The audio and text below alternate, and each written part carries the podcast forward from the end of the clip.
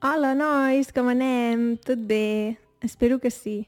Avui us vull parlar sobre un tema bastant interessant, que és una estratègia per aprendre idiomes i per millorar l'expressió oral.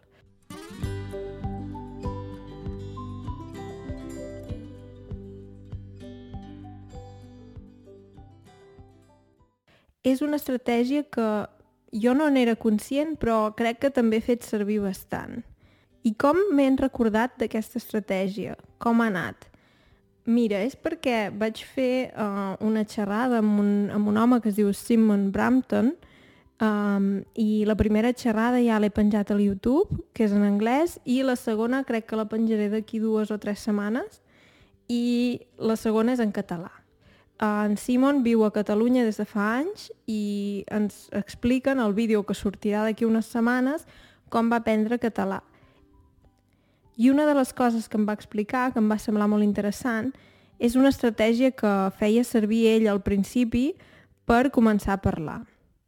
Jo sé que molts de vosaltres us passa que aneu a algun lloc de parla catalana i parleu en català i potser encara no en sabeu gaire i la gent us contesta en castellà o en anglès. I en Simon el que va fer és pensar en la situació en què es trobarà i preparar-se per aquella situació. Per exemple, ell donava l'exemple d'una vegada que volia comprar un matalàs. Va dir, el matalàs el compraré en català. Llavors, en Simon volia comprar un matalàs. Un matalàs és el lloc on dormim, o sigui, tenim el llit i el llit té un matalàs a sobre. I, i va dir, va, ara aniré a comprar un matalàs en català i, i a veure com va. I en comptes d'anar-hi i intentar-ho, va preparar-se abans, va pensar quin vocabulari hi ha.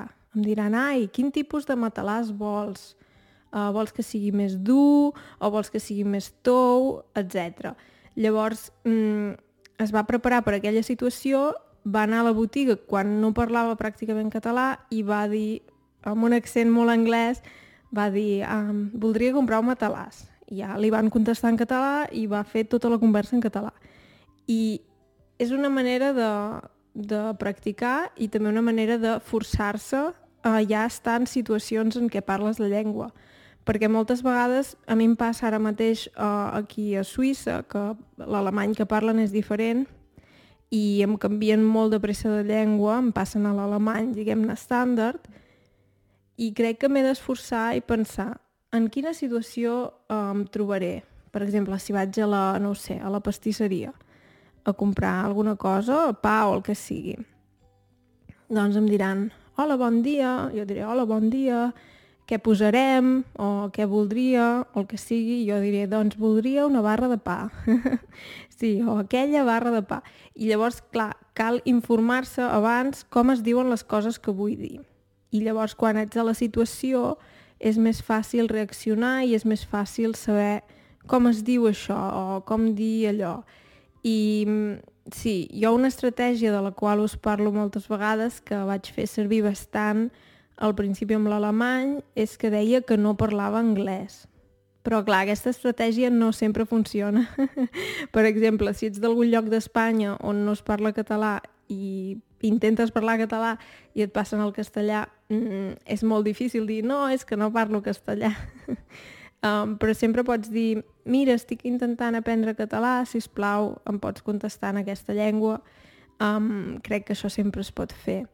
En general, els llocs de parla catalana, si et trobes amb un català no parlant, que et canvia de llengua i li dius mira, estic aprenent l'idioma, jo crec que normalment la gent està contenta i t'intenta ajudar. Sí, però depèn molt, evidentment, com tot, és molt individual.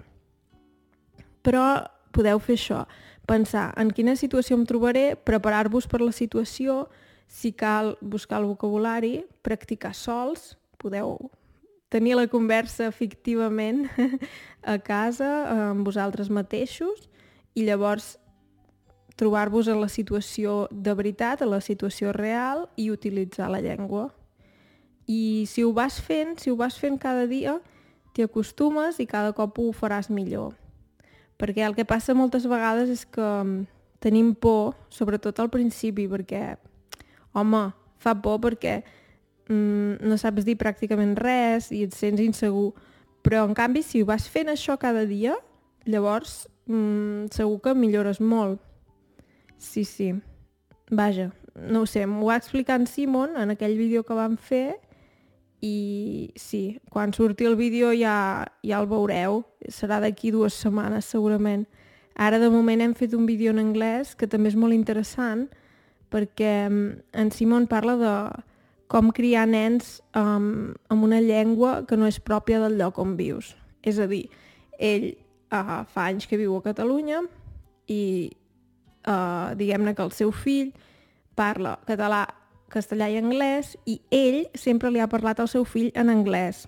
O sigui, l'ha criat en anglès perquè volia que de gran pogués parlar l'anglès com un nadiu.